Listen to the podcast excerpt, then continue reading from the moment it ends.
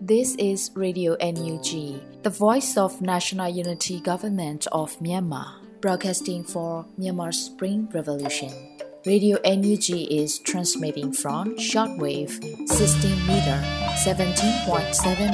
MHz at 8:30 a.m. and 25 meter 11.94 MHz at 8:30 p.m. Myanmar Standard Time. မင်္ဂလာပါရှင်။ မြို့သားညီညွတ်ရေးအစိုးရရဲ့အတန်နှုန်းဌာန Radio NUG ကိုမနက်ပိုင်း၈နာရီခွဲမှာလိုင်းတူ16မီတာ19.89 MHz ညပိုင်း၈နာရီခွဲမှာလိုင်းတူ25မီတာ17.6 MHz တို့မှာဓာတ်ရိုက်ဖမ်းယူနိုင်စေနိုင်ပါရှင်။မင်္ဂလာအပေါင်းနဲ့ပြည့်စုံကြပါစေ။အခုချိန်ကစပြီး Radio NUG အစီအစဉ်လေးကိုဓာတ်ရိုက်အတန်လွှင့်ပေးနေပါပြီရှင်။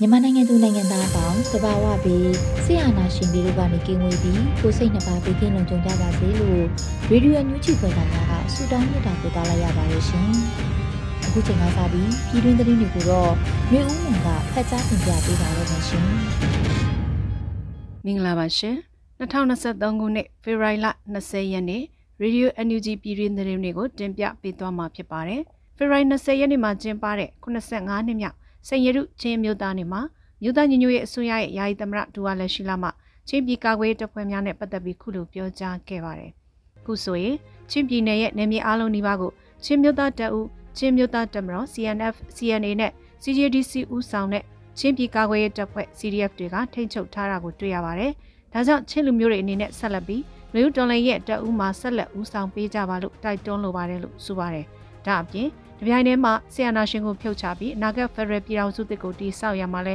ချင်းလူမျိုးတွေဆက်လက်ပါဝင်နိုင်ကြဖို့လိုအပ်တယ်လို့ယာယီသမရကထပ်လောင်းဆိုပါတယ်။တစ်ဆက်တည်းမှာပဲဆီယနာရှင်စနစ်ခြုံငိမ့်ပြီးချင်းနယ်မြေများလွမြောက်လာသည့်နေ့တပြိုင်နက်ချင်းပြည်ကိုခိုင်မာစွာတည်ဆောက်ကြရမှာဖြစ်တယ်လို့ဂျာကာလချင်းမျိုးသားတာမင်ငံကောင်စီထုတ်ပြန်လိုက်ပါတယ်။2021ခုနှစ်ဖေဖော်ဝါရီလရက်နေ့မှာစစ်တပ်ကနိုင်ငံတော်အာဏာကိုထပ်မံလူယူလိုက်ချိန်မှစပြီးချင်းလူမျိုးများအပါအဝင်မြန်မာနိုင်ငံသူနိုင်ငံသားများဟာ ဒုက္ခဆင်းရဲမျိုးစုံရင်ဆိုင်ကြုံတွေ့ခဲ့ရပါတယ်။အာနာသိစေအုပ်စုဟာချင်းလူမျိုးများပေါင်းမဲ့နိုင်ငံသူနိုင်ငံသားများ IES ဆက်ကြမ်းကြုတ်တဲ့နီလန်ပေါင်းစုံနဲ့အကြမ်းဖက်ဖိနှိပ်လျက်ရှိရမှာပြည်သူများကလည်းအာနာသိစေအုပ်စုကိုနီလန်ပေါင်းစုံနဲ့စန့်ကျင်ခုခံတော်လှန်လျက်ရှိပါတယ်လို့ဖော်ပြပါတယ်။အဲဒီလိုဆီယနာရှင်စနစ်ခြုံငိမ့်ပြီးချင်းနယ်မြေများလွတ်မြောက်လာသည့်နေ့တပြိုင်နက်ပြည်အောင်စုမြန်မာနိုင်ငံတွေ့ကိုပိုင်ပြထန်းခွင့်နဲ့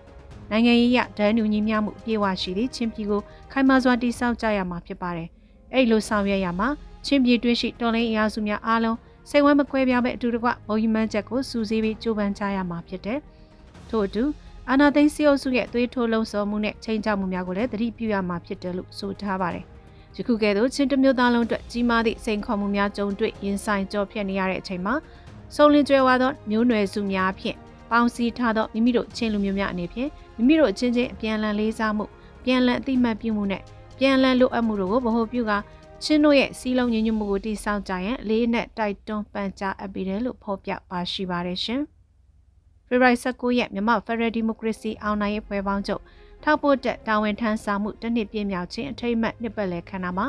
မြို့သားညီညွတ်ရေးအစိုးရယာယီသမရဒူဝါလက်ရှိလာကခုလိုပြောကြားခဲ့ပါတယ်။ကျွန်တော်တို့ NUG အစိုးရအနေနဲ့လူလူရဲ့ချွေးနှဲစာနဲ့ထောက်ပံ့ကူညီထားတဲ့တော်လိုင်းရမုံငွေတွေကိုစနစ်တကျစီစစ်အသုံးပြုနေကြောင်းအထူးလေးထားပြောကြပါရစေ။ ကျွန်တော်တို့ဟာအလေးလွတ်မရှိတဲ့ဗန်နာရေးစီမံခန့်ခွဲမှုစနစ်ကိုချမှတ်အသုံးပြုနေပြီဖြစ်ပါတယ်။ဒါအပြင်လူတို့ကမြုပ်နှံတဲ့တော်လိုင်းရမုံငွေတွေကိုအလဟတ်သက်အလေးလွတ်မဖြစ်အောင်ထိထိရောက်ရောက်အသုံးပြုနေကြောင်းလည်းတင်ပြကြပါတယ်လို့ဆိုပါတယ်။မြို့သားညီညွတ်ရေးအစိုးရဟာလက်ရှိမှာအထူးငွေတိုင်းစာချုပ်ရောင်းရငွေများပါဝင် EOD ရှယ်ယာများရောင်းချရငွေမှ American Dollar တန်တရာကျော်ရရှိသုံးစွဲနေပြီဖြစ်ပါတယ်ရှင်။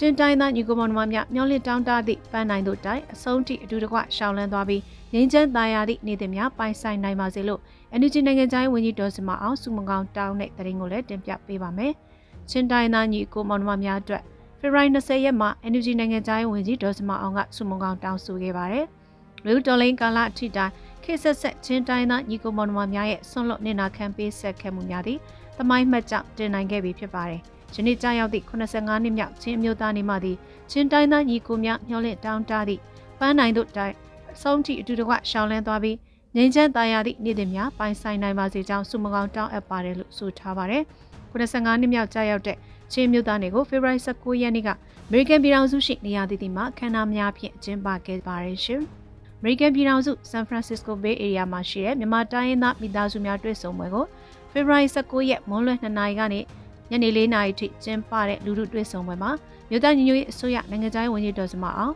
ဒုတိယနိုင်ငံသားရေးဝန်ကြီးဦးမိုးစောဦးနဲ့ဆန်ဖရန်စစ္စကိုဘေးရီးယားမှာရှိတဲ့မြန်မာတိုင်းသားမိသားစုဝင်400ကျော်တက်ရောက်ခဲ့ပါတယ်။တွေ့ဆုံပွဲမှာနိုင်ငံသားရေးဝန်ကြီးဒေါ်စမအောင်ဒုတိယနိုင်ငံသားရေးဝန်ကြီးဦးမိုးစောဦးတို့ရဲ့လူထုနဲ့အမေးဖြေကဏ္ဍကိုအများကစိတ်ဝင်စားခဲ့ကြပါတယ်။ တတမန်ရေးနဲ့ပတ်သက်ပြီးနိုင်ငံသားရေးဝန်ကြီးများကဖြေကြားရမှာနိုင်ငံသားရေးမှာနိုင်ငံတိုင်းကိုတနိုင်ငံတစ်မျိုးဆက်ဆံတာမဟုတ်ပဲအားလုံးပေါ်မိမိတို့ရဲ့တည်ချက်ကိုဒီဇိုင်းမမတ်ရိုးရှင်းစွာဆက်ဆံရေးထူထောင်ထားကြောင်းအသိပေးဆိုခဲ့ပါတယ်။ဒါအပြင် OIC ဖြစ်စေတရုတ်ဖြစ်စေအိန္ဒိယဖြစ်စေနောက်နိုင်ငံတွေနဲ့ပဲဖြစ်စေ NUG အစိုးရရဲ့မိမိတို့ရဲ့တည်ချက်ကိုတသမတ်သေးတာပြောဆိုနေတာကအထီအောင်ဆုံးဖြစ်တယ်လို့မိကုံတခုမှ NUG နိုင်ငံသားရေးဝန်ကြီးများကဆိုခဲ့ပါတယ်ရှင်။ဖေရိုက်19ရက်မြို့သားညီညွတ်အစိုးရနဲ့ တကမ္ဘာလုံးရှိပြည်သူလူထုအွန်လိုင်းတွေ့ဆုံမေးမြန်းပွဲတတိယနေ့ခန္ဓာတိုက်ရိုက်ထုတ်လွှင့်မှုမှာပညာရေးဝန်ကြီးဒေါက်တာဇော်ဝေဆိုးကခုလိုဆိုပါတယ်ခုဆိုရင်ချင်းကပညာပြီးမြောက်ကြောက်ဆက်စစ်ချင်းစာမပွဲတွေလုပ်နေပါတယ်ဒီစာမပွဲမှာအောင်ရှုံးမရှိပါဘူးအမှတ်ပဲရမှာဖြစ်ပါတယ်ရင်းနှုန်းကလို့ဆယ်တန်းမအောင်လို့တက္ကသိုလ်မတက်ရဘူးပညာဆက်မသင်ရဘူးဆိုတာမရှိပါဘူးထွက်လာတဲ့အမှတ်တွေကိုကြည့်ပြီးကိုကြိုက်ရင်ယူသွားပြီးမကြိုက်ရင်နောက်သုံးလနေပြန်ဖြေလို့ရပါတယ်ခုကျွန်တော်တို့စစ်နေတဲ့စာမွေးပဲဟာကဘာကအတိမတ်ပြုဖြစ်လာမှသိကြပါတယ် လုံနေပါတယ်လို့ဝင်းကြီးကဆိုပါတယ်ခြေကံပညာပြည်မြောက်ကျောင်းဆန်းစစ်ခြင်းစာမွေးရလက်များကိုကျင့်တတ်သောကျောင်းသားကျောင်းသူများဟာ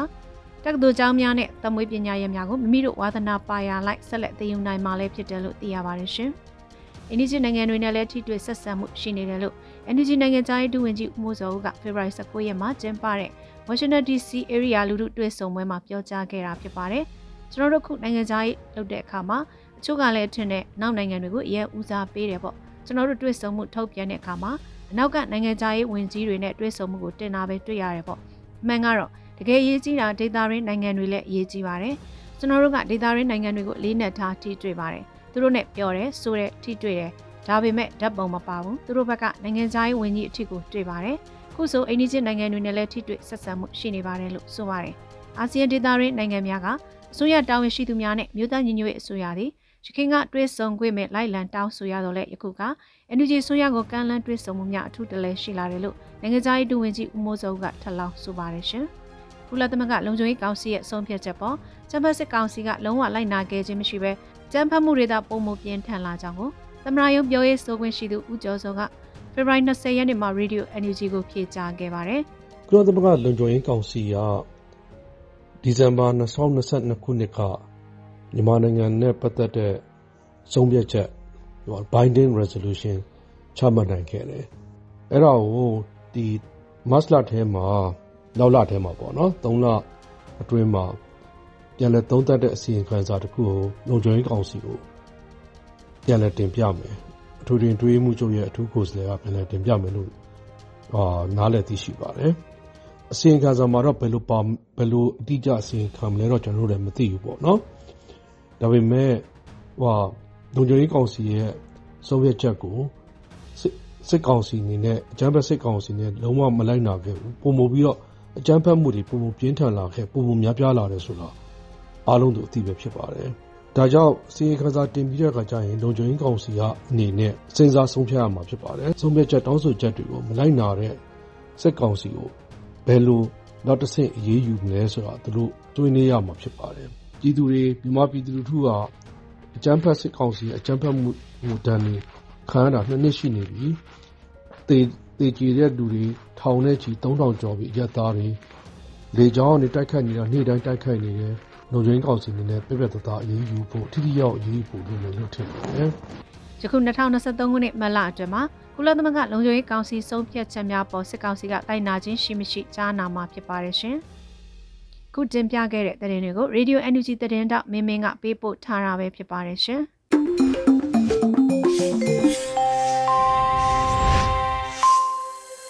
ဗီဒီယိုမျိုးချီမှာဆက်လက်တင်ပြနေပါတယ်။အခုဆက်လက်ပြီးနားဆင်ကြရမှာကတော့လူခွင့်ရေးစကားသံအစီအစဉ်ဖြစ်ပါတယ်။စီးပွားရေးနဲ့လူခွင့်ရေးလို့အမည်ရတဲ့ခေါင်းစဉ်နဲ့လူခွင့်ရေးဆိုင်ရာပြည်အောင်စုဝန်ကြီးဦးအောင်မျိုးမြင့်ရဲ့တင်ဆက်မှုကိုနားဆင်ကြရတာဖြစ်ပါရဲ့ရှင်။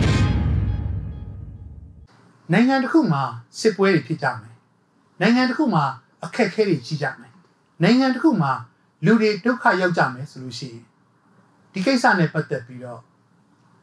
စီးပွားရေးလှုပ်ဆောင်မှုသမားတွေဝိသမစီးပွားရေးလှုပ်ဆောင်မှုသမားတွေအတွက်အခွင့်ကောင်းအများကြီးရှိတတ်ပါတယ်အများဆုံးဖြစ်တတ်တဲ့အကျိုးစီးပွားကတော့ဒီပြဿနာတွေပေါ်မှာအခက်အခဲတွေပေါ်မှာဒုက္ခရောက်နေတဲ့ပြည်သူလူထုပေါ်မှာအခွင့်ကောင်းယူပြီးတော့ လူကုန်ကူးမှုဆိုတဲ့မတမာစီးပွားရေးတစ်ခု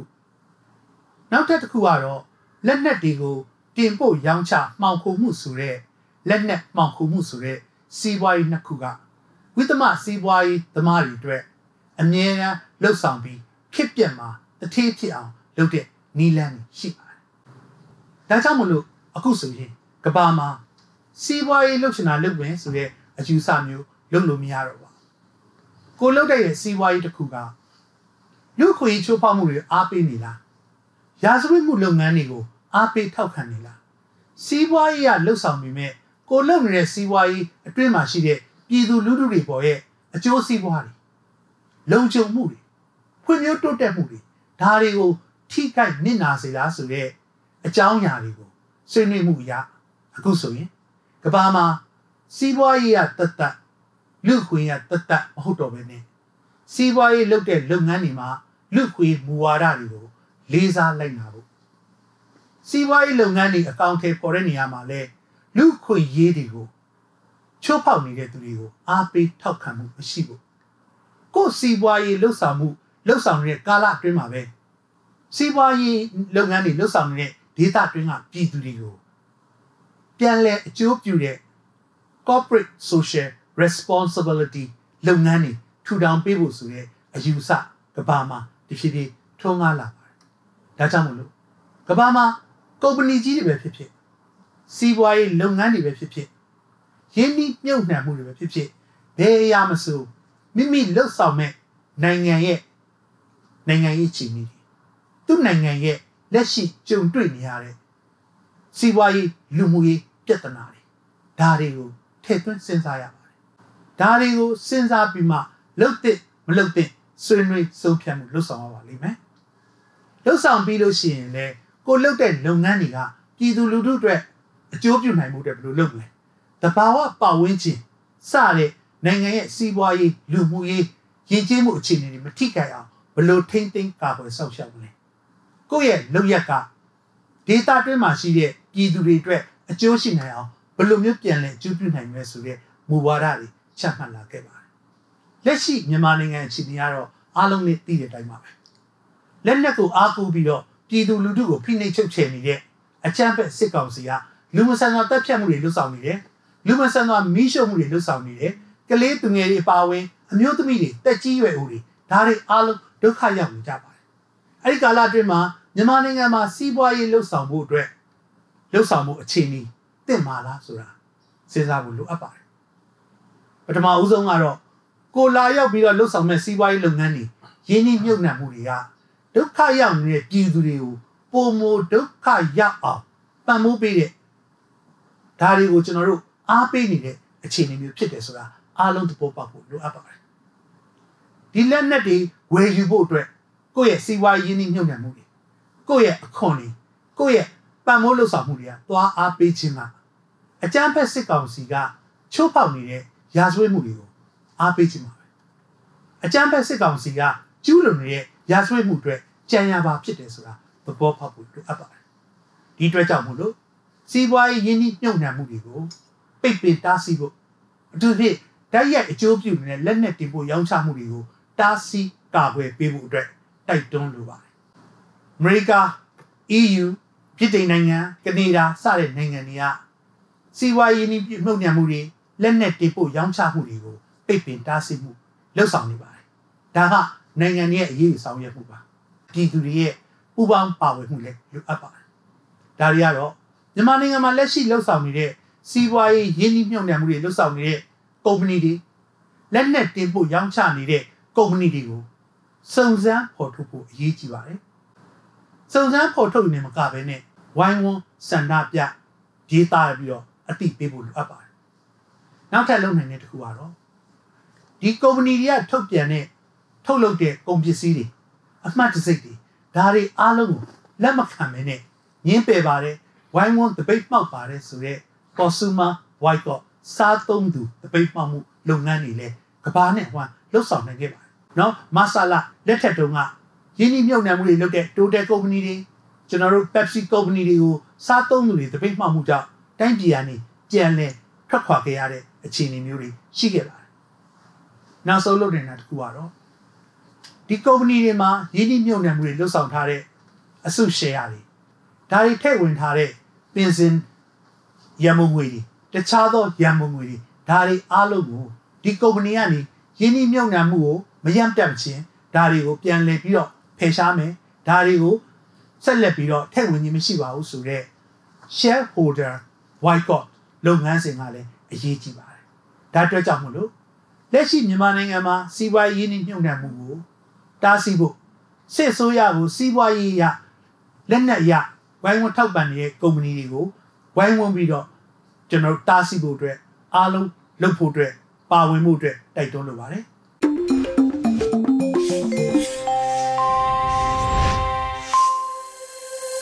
ဗီဒီယိုအမျိုးကြီးကိုနားတော်တာဆင်နေတဲ့ပြည်သက်များရှင်အခုဆက်လက်ပြီး ရဲတက်တစ်ဖက်မိုးလေဝသအခြေအနေခံမှန်းချက်တွေကိုတော့အဲဒီမှဖက်ကြားတင်ပြပေးပါမယ်ရှင်မင်္ဂလာပါရှင်2023ခုနှစ်ဖေဖော်ဝါရီလ20ရက်နေ့ကနေဖေဖော်ဝါရီလ26ရက်နေ့အထိမိုးလေဝသအခြေအနေခံမှန်းချက်တွေကိုတင်ပြပေးပါမယ် အခုတစ်ပတ်အတွင်းထူးခြားချက်ကတော့စောင်းမုတ်တုံရာသီကုံဆုံးတော့မှာဖြစ်တဲ့အတွက်နှွေကြိုရာသီရဲ့လက္ခဏာတွေစတင်ပြသလာမယ့်ရက်သက်တစ်ပတ်ဖြစ်ပါတယ်။စောင်းနှောင်းကာလမြူထူဆိုင်မှုမှာအနှဲငယ်နေမြင့်ချိန်အထိကြာမြင့်လာနိုင်ပြီးအေးလည်းသက်သာလာနိုင်ပါတယ်။မြန်မာနိုင်ငံတောင်ပိုင်းဆွန်းနဲ့မြောက်ပိုင်းဆွန်းတို့မှာနေရာကွက်ကြားမိုးရွာတဲ့အခြေအနေတွေကြုံတွေ့လာနိုင်ပါတယ်။စောင်းအေးတဲ့ရောကြလာနိုင်ပြီးအေးပေါ်သွားနိုင်ပါတယ်။စောင်းလက်ကျန်မြူထူဆိုင်မဲ့အခြေအနေကတော့ရခိုင်ပြည်နယ်၊ချင်းပြည်နယ်၊စကိုင်းတိုင်း ကချင်ပြည်နယ်ရှမ်းပြည်နယ်မန္တလေးတိုင်းနေပြည်တော်ပဲခူးတိုင်းရန်ကုန်တိုင်းကယားပြည်နယ်ကရင်ပြည်နယ်နဲ့မွန်ပြည်နယ်တို့မှာမနက်ပိုင်းမြူထူတွေနေမြင့်ချိန်မနက်၈နာရီခွဲအချိန်လောက်ထိဆက်လက်ကျဆင်းနိုင်ပါတယ်။ ဖေဖော်ဝါရီလ20ရက်နေ့အတွက်ခံမှန်းချက်ကတော့မြန်မာနိုင်ငံအထက်ပိုင်းနဲ့အလယ်ပိုင်းမှာအနောက်အနောက်တောင်လေတွေတိုက်ခတ်နိုင်ပြီးတောင်ပိုင်းမှာအရှေ့တောင်လေတွေတိုက်ခတ်နေနိုင်ပါတယ်။စောင်းမုတ်တုံချီနီကတော့တပြည်လုံးမှာဆက်လက်အေးသက်သာနေနိုင်ပါတယ်။ရခိုင်ပြည်နယ်၊စကိုင်းတိုင်း၊ကချင်ပြည်နယ်၊ရှမ်းပြည်နယ်၊မန္တလေးတိုင်း၊နေပြည်တော်၊ပဲခူးတိုင်း၊ရန်ကုန်တိုင်းကယားပြည်နယ်၊ကရင်ပြည်နယ်နဲ့မွန်ပြည်နယ်တို့မှာမနက်ပိုင်းမြူထူတွေကျဆင်းနိုင်ပါတယ်။ဘင်္ဂလားပင်လယ်ော်တောင်ပိုင်းမှာတိမ်အထင်တင်ဖြစ်ထွန်းနိုင်ပြီးကြံဘင်္ဂလားပင်လယ်ော်နဲ့ကပ်ပလီပင်လယ်ပြင်မှာတာယာနိုင်ပါတယ်။ မိုးအခြေအနေကတော့တနင်္သာရီတိုင်းမှာနေရာကွက်ကြားမိုးနှင်းငယ်ရွာနိုင်တာကလွဲလို့ကြံတပြည်လုံးမှာအများအပြားတာယာနိုင်ပါတယ်။ပင်လယ်ပြင်အခြေအနေကတော့ရခိုင်ကမ်းရိုးတန်းမှာတောင်အနောက်တောင်ဘက်ကလေဟာတနအီကို9မိုင်ကနေ10မိုင်ထိတိုက်ခတ်နိုင်ပြီးလှိုင်းအသင့်တင်ရှိနိုင်ပါတယ်။မြဝကျုံမော်မုတ်တမကွေနဲ့တနင်္သာရီကံယူရန်ဘက်မှာအရှိအရှိတောင်လေတွေတနအီကို9မိုင်ကနေ10မိုင်ခန့်ထိတိုက်ခတ်နိုင်ပြီးလှိုင်းအနေငယ်သာရှိနိုင်ပါတယ်။ ဖေဖော်ဝါရီလ22ရက်နေ့အတွက်ခံမှန်းချက်ကတော့မြန်မာနိုင်ငံအထက်ပိုင်းနဲ့အလယ်ပိုင်းမှာအနောက်အနောက်တောင်လေတွေတိုက်ခတ်နိုင်ပြီးတောင်ပိုင်းမှာတောင်အရှိတောင်လေတွေတိုက်ခတ်နေနိုင်ပါတယ်။စောင်းမုတ်တုံချီနေကတော့တပြည်လုံးဆက်လက်အေးသက်သာနေနိုင်ပါတယ်။ရခိုင်ပြည်နယ်စကိုင်းတိုင်းကချင်ပြည်နယ်ရှမ်းပြည်နယ်မန္တလေးတိုင်းနေပြည်တော်ပဲခူးတိုင်းရန်ကုန်တိုင်းကယားပြည်နယ်ကရင်ပြည်နယ်နဲ့မွန်ပြည်နယ်တို့မှာမနက်ပိုင်းမြူထူတွေကျဆင်းနိုင်ပါတယ်။ဘင်္ဂလားပင်လယ်ော်တောင်ပိုင်းမှာတိမ်အထင်တင်ဖြစ်ထွန်းနိုင်ပြီးကြံဘင်္ဂလားပင်လယ်ော်နဲ့ကပ်ပလီပင်လယ်ပြင်တို့မှာတာယာနိုင်ပါတယ်။ မိုးအခြေအနေကတော့တနင်္သာရီတိုင်းမှာနေရာကွက်ကြားမိုးနဲ့ငယ်ရွာနိုင်တာကလွဲလို့ကြံတပြည်လုံးမှာအများအပြားတာယာနိုင်ပါတယ်။ပင်လယ်ပြင်အခြေအနေအနေနဲ့ရခိုင်ကမ်းရိုးတန်းမှာတောင်အနောက်တောင်ဘက်ကလေဟာတနအီကို9မိုင်ကနေ10မိုင်ထိတိုက်ခတ်နိုင်ပြီးလှိုင်းအသင့်အတင်ရှိနိုင်တယ်လို့မြို့ဝကျုံမော်မုတ်တမကွေနဲ့တနင်္သာရီကမ်းရိုးတန်းဘက်မှာလည်းအရှိအရှိတောင်ဘက်ကလေတွေဟာတနအီကို9မိုင်ကနေ10မိုင်ခန့်အထိတိုက်ခတ်နိုင်ပြီးလှိုင်းအနေငယ်သာရှိနိုင်ပါတယ် ဖေဖော်ဝါရီလ22ရက်နေ့အတွက်ခံမှန်းချက်ကတော့မြန်မာနိုင်ငံအထက်ပိုင်းနဲ့အလယ်ပိုင်းတို့မှာအနောက်အနောက်တောင်လေတွေတိုက်ခတ်နိုင်ပြီးတောင်ပိုင်းမှာတောင်အရှိတောင်လေတွေတိုက်ခတ်နေနိုင်ပါတယ်။စောင်းမုတ်တုံအခြေအနေကတော့တပြည်လုံးမှာအေးဆက်လက်သက်သာနေနိုင်ပါတယ်။ရခိုင်ပြည်နယ်၊စကိုင်းတိုင်း၊ကချင်ပြည်နယ်၊ရှမ်းပြည်နယ်၊မန္တလေးတိုင်း၊နေပြည်တော်၊ပဲခူးတိုင်း၊ရန်ကုန်တိုင်း၊ကယားပြည်နယ်၊ကရင်ပြည်နယ်နဲ့မွန်ပြည်နယ်တို့မှာမနက်ပိုင်းမြူထူတွေကျဆင်းနိုင်ပါတယ်။ ဘင်္ဂလားပင်လယ်ော်တောင်ပိုင်းမှာတိမ်အထင်တင်ဖြစ်ထွန်းနိုင်ပြီးကြံဘင်္ဂလားပင်လယ်ော်နဲ့ကပလီပင်လယ်ပြင်တို့မှာတာယာနိုင်ပါတယ်။မိုးအခြေအနေကတော့တနင်္သာရီတိုင်းမှာနေရာကွက်ကြားမိုးနှဲငယ်ရွာနိုင်တာကလွဲလို့တန်တပြည်လုံးမှာအများအပြားတာယာနိုင်ပါတယ်။ရခိုင်ကမ်းရိုးတန်းမှာတောင်အနောက်တောင်ဘက်ကလေဟာတနအီကို9မိုင်ကနေ10မိုင်ထိတိုက်ခတ်နိုင်ပြီးလှိုင်းအသင့်တင်ရှိနိုင်ပါတယ်။မြဝကျွန်းမော်မုတ်တမခွေနဲ့တနင်္သာရီကံယူရန်ဘက်မှာတော့အရှိအရှိတောင်လေးတွေဟာ တနအီကို10မိုင်ကနေ15မိုင်ခန့်အထိတိုက်ခတ်နိုင်ပြီးလှိုင်းအသင့်တင်ရှိနိုင်ပါတယ်။ဖေဖော်ဝါရီလ23ရက်နေ့အတွက်ခန့်မှန်းချက်ကတော့မြန်မာနိုင်ငံအထက်ပိုင်းနဲ့အလယ်ပိုင်းမှာအနောက်အနောက်တောင်လေတွေတိုက်ခတ်နိုင်ပြီး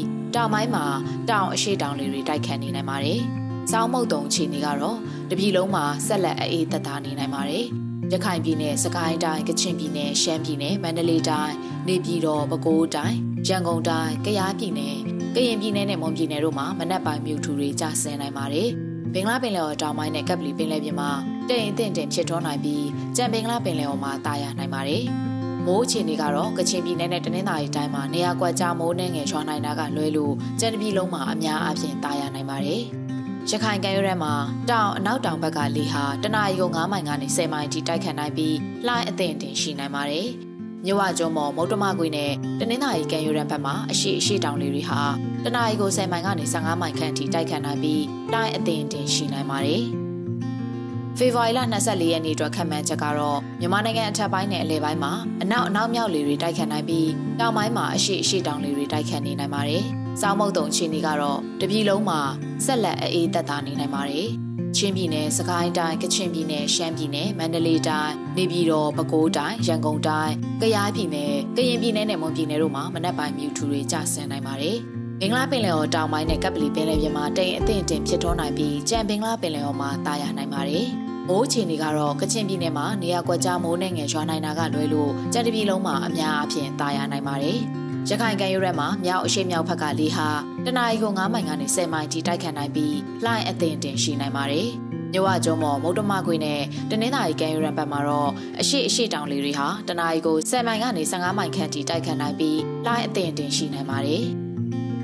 ဖေဖော်ဝါရီလ25ရက်နေ့အတွက်ခံမှန်းချက်ကတော့မြန်မာနိုင်ငံအထက်ပိုင်းနဲ့အလယ်ပိုင်းမှာမြောက်အနောက်မြောက်လေတွေတိုက်ခတ်နိုင်ပြီးတောင်ပိုင်းမှာအရှိအရှိတောင်လေတွေတိုက်ခတ်နေနိုင်ပါတယ်။စောင်းမုတ်တုံခြေနေကတော့တပြည်လုံးမှာအေးဆက်လက်တက်တာနေနိုင်ပါတယ်။ချင်းပြည်နယ်၊စကိုင်းတိုင်း၊ကချင်ပြည်နယ်၊ရှမ်းပြည်နယ်၊မန္တလေးတိုင်း၊နေပြည်တော်၊ပဲခူးတိုင်း၊ရန်ကုန်တိုင်း၊ကယားပြည်နယ်၊ကရင်ပြည်နယ်နဲ့မွန်ပြည်နယ်တို့မှာမနက်ပိုင်းမြူထူတွေကျဆင်းနိုင်ပါတယ်။ဘင်္ဂလားပင်လယ်ော်အနောက်တောင်ပိုင်းမှာတိမ်ထူထပ်နေနိုင်ပြီးကြံဘင်္ဂလားပင်လယ်ော်နဲ့ကပ်ပလီပင်လယ်ပြင်မှာတိမ်အထင်တင်ဖြစ်ထွန်းနိုင်ပါတယ်။ မိုးချီနေကတော့တပြည်လုံးမှာအများအပြားတာယာနိုင်ပါတယ်။ရခိုင်ကမ်းရိုးထဲမှာမြောက်အရှိမြောက်ဘက်ကလေဟာတနအီကို9မိုင်ကနေ10မိုင်အထိတိုက်ခတ်နိုင်ပြီးလှိုင်းအသင့်တင်ရှိနိုင်ပါတယ်။မြဝကျုံမော်မုတ်တမခွေနဲ့တနင်္သာရီကံယူရန်ဘက်မှာအရှိအရှိတောင်လေးတွေဟာတနအီကို10မိုင်ကနေ15မိုင်ခန့်ထိတိုက်ခတ်နိုင်ပြီးလှိုင်းအသင့်အတင်ရှိနိုင်ပါတယ်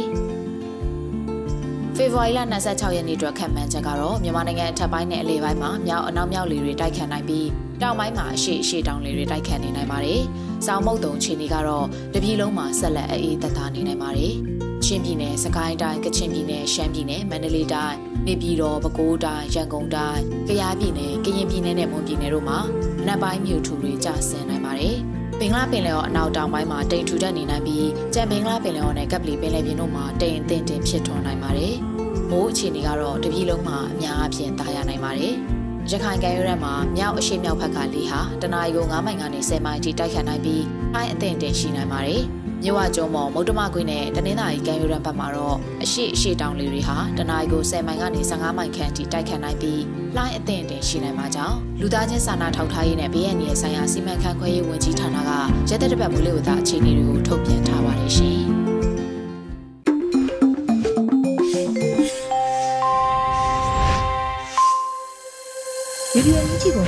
ဆင်နေတဲ့ပြည်သက်များရှင်အခုဆက်လက်ပြီးတိုင်းသားဘာသာစကားနဲ့သတင်းထုတ်မှုအနေနဲ့စကောကရင်ဘာသာဖြင့်တပည့်အတွင်းသတင်းတွေကိုတော့ရော်နွေဦးခွင့်ကဖတ်ကြားတင်ပြပေးပါရမရှင်။ဟာလိုဝေကိုရတဲ့အစိုးရတော့ကွမိပါတူလို့အန်ယူချီကွဲလေးလို့အထရထကလေးနီလို့အခဲအီကပါဖလာထောနေသူတနွေအတော်ပူတာကစောနေလို့ရဲရမိမေနော်နွေဦးပွင့်နေလို့တာကစောခတီတီမီဝဲနာ တာဘဆကမ္လတာစီညိုကိုရေဝတာခုဒမဖလာထောကမီတီဖို့တဖာထီလိုအိုဖိုဝီခါဆုညာတာဖိတာမတဖာကပါလောနီဝဲအောအရိဒူဝဲတာအခိနီကိုတုကလတဲဝဲတာခိနီလောဖဲလာဖေဗူအာရီတစင်ဝီတော်နီနေဒါဘဆကမ္လတာစီညိုကိုဝေဝတာခုဒမဖလာထောကမီတီတာထီလိုအိုဖိုဝီခါဆုညာတာဖိတာမတဖာကပါလောနီဝဲအောအရိဒူဝဲအခိနီကိုတုကလမဝိခိုင်တန်နေတဲဝဲတာဒီနီလော တာဘဆကမ္လတာစီညိုကောဝီဝတာခုဒမဖလက်ထော်ကမီတီပူကိုတိုဝဲကလိုလအပဝဲတဖာနေတဖိတာမအာဝဲတာဝီတမီကိုတိုဝဲကလိုလအညောဝဲတခါပါနီလောတာဘဆာကမ္လတာစီညိုကိုဝေဝတာခုဒမဖလက်ထော်ကမတီတဖာဤလောတာဘဆာဝမီဝဲအရီဒိုကမတီတဖာဟုတာမအဝဲနာတကေတာတီလိုအဖို့တဖာဘာမဝဲဝီခါဆုညာတဖိတာမတဖာကပလောနီဝဲအောအရီဒိုဝဲတာစီကောနီလော ဆကတော်ခဲဤအညူချီပဒိုတာဒိုဆိုဟကိုလောကောတဖာနေကောစာစီညိုကောရူတဖာဘာတာအုထောဝဲတာဝီပါထွဲကမ္လတာစီညိုကောအောတဖိတာမတဖာစာထောမလီဝဲတာအခိနေပတိုနေပါတာစောနေလောတာစောခီတီမီဝဲတာအညူချီပဒိုနေတာဒိုတူဒိုတာပကညောတာမဆောဝကလုစေရေကရနွိဖော်တရကကွယ်ဟိမဆဆော့ထွဲနေဝဲတာလိနေလောတာဒိုတူဒိုတာပကညောတာမဆောဝကလုစေ ရေကရနွိဖော်တရကကွယ်ဟိမဆဆော့ထွဲနေဝဲအစေအန်ယူဂျီပဒိုတာဒိုတူဒိုတာပကညောတော့နေဆအန်ဒရဘတ်ထွဲတာပဖရတုကလကုတူဝဲကလုနေဖဲလာဖေဗူအာရီတစီခေါ်တော်နီနေဟေတင်ညာဝဲတာနီလောတကာတိပါကတော်စောတလေတာဟိုကမ္လလဘာခိမွေဟပလုလတာဒုတရတဖာအောအော်ကီအလတဖာယာလူတဖာဟိမဆန်နီဝဲဝီဟီလမေဝအော်ကွီတဖာအောနီတာကကီတူထကီဝဲအော လေကိုတိုဝဲကလိုတခေါကတဲ့ကတော့ထော်လီဝဲတာနီလော CDM တဖာအတာမဆခုတော့လေမီပူတော့ကလိုကလီတဖာကလာဟုတာတီတဖာအောဒါရိုက်တာကလေးပူတာမဆကလိုစီလအဒူနီဝဲတဖာဒူလိုက်နူအာရီတော့ပူလောဂိုချိုအပလနူကရပလေအောတောက်ခုတူလတပါတခုနေဝဲအေဖိမနီဝဲတော့ပဒုနီမာတာကစောနီလောတာကစောဆုမညာတီမီဝဲတာတာဟိနီဆူတာဆုတာကမောပီယတူအတော်တပုနေ လခိတောတပုလေတုကဘောယူခုဆိုလက်ခတာလေကလီကတ်ခေါ်ဟုတဟာဂောအဝဲတာကောချတဲ့အစေပတ်တကွယ်ဘလေရီ KNU မူပါဟိတိညာပဖလာဝဲတာရင်းနီလောဖဲလာဖေဗူအာရီတစင်ဝီတော်နီသူဝေကလူတာကစောနီ KNU မူပွားဟေတင်ညာပပလာဝဒါဒီနီလဖဲလာဖေဗူအာရီတစီလီတော့ငူနာအနာရီတစီနီတဟိနေဆူတာဆူတာကမောပယောတူအတော်တဖူနီလောတုကဘောယူတဆူ လက်တီလမီပူဟုဖလဖဲ KNU ကညောတော့ကလူတကရကရလောကောနူထရကောရီတုကေယလူတော့ကောစာတေပူနိုတောပူတော့ပါဝဲဟီဟုဖလတော့မေဦးအကွေဝဒနီလောဒီနီတော့ဖဲလာဖေဗူအာရီတစီရတော့ငွနာစီတနာရတခေါ်စကတော့စိက တာဟိနေစုတာစုတာကမောပယောတူအတော်တဖူနီလေတုကဘောယူတဆူလက်တီလိုမီဖူဟုပလဖဲ KNU ကညောဒကလူတကရကရလောကောငူတောကောရီတုကေယလူတောကောစာပေကိတဲ့တောကရုထော်တိပတောပူတော့တတူထော်နွိဖလတမလူကျုတဖလဟီခုဖလ တဆာတာပွေကလတ်ဖလဘူဖောခိဖလမေဦးအပွေဝဲတော့ဓာတုစီကဟာလူဆိုဟေမီပေါခိဆို wifi set ခါတော့ကဟာရီဘူတဖလခဲလအပွေလောလဝဲတာကောချတဲ့ကလုစီဘတ်တကွယ်ဟာဝဝဲရီတက်ဖလာဝဲတော့ပတူနီဘာတက်စောနီလောတက်စောလကိကတတီမီဝဲနာကောချတဲ့ထိကောဘူးပါစထွဲမဆတာဂရဖို့ခအကေလောတာတဖာနေဥထဝဲအဂေဟေပလောဝဲတာဂီနီတော့ ကောကြတဲ့ထိကောဘူးပါစထွဲမဆတာဂရဖို့အခကေအလောတာတဖာနေဥထဝဲအဂေကိုရဲမေ AAC နေဖဲလာဖေဗူအာရီတစီခေါ်တော့နေဟေပလောဝဲတာနီလောကောကြတဲ့ထိကောဘူးပါစထွဲမဆတာဂရဖို့အခအလောတာတဖာဥထဝဲခုကတမီတမဝဲလော်တီလဆဲမီဝီမာဒီတိုကတူလိုမဆဝဲအဂေ တဲဝဲဒါစီကောနီလောဖဲပုကွေလာနေကောကြတဲ့ထီကောမန်ဆာပူတပဆာအောကလိုစီတဖာနေပုံမူတကလောအနီဝဲတော့ပတိပုဖလက်တာကြီးပပလာဝဲတော့ပတိုနီပါတာကစောနီလောကမ္လလအဒုကနာဘာကွဲလေးလိုတာကစောအီကိုရတဲ့မောတူဘာမီထောဘူးနေတကေ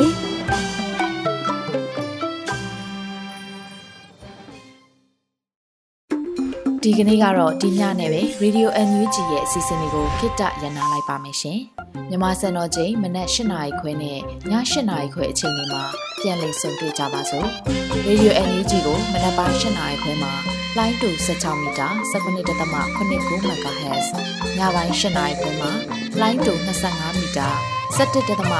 MHz တို့မှာဓာတ်ရိုက်ဖမ်းလို့နိုင်စေနိုင်ပါပြီ။မြန်မာနိုင်ငံသူနိုင်ငံသား တွေကိုစိတ်နှပြ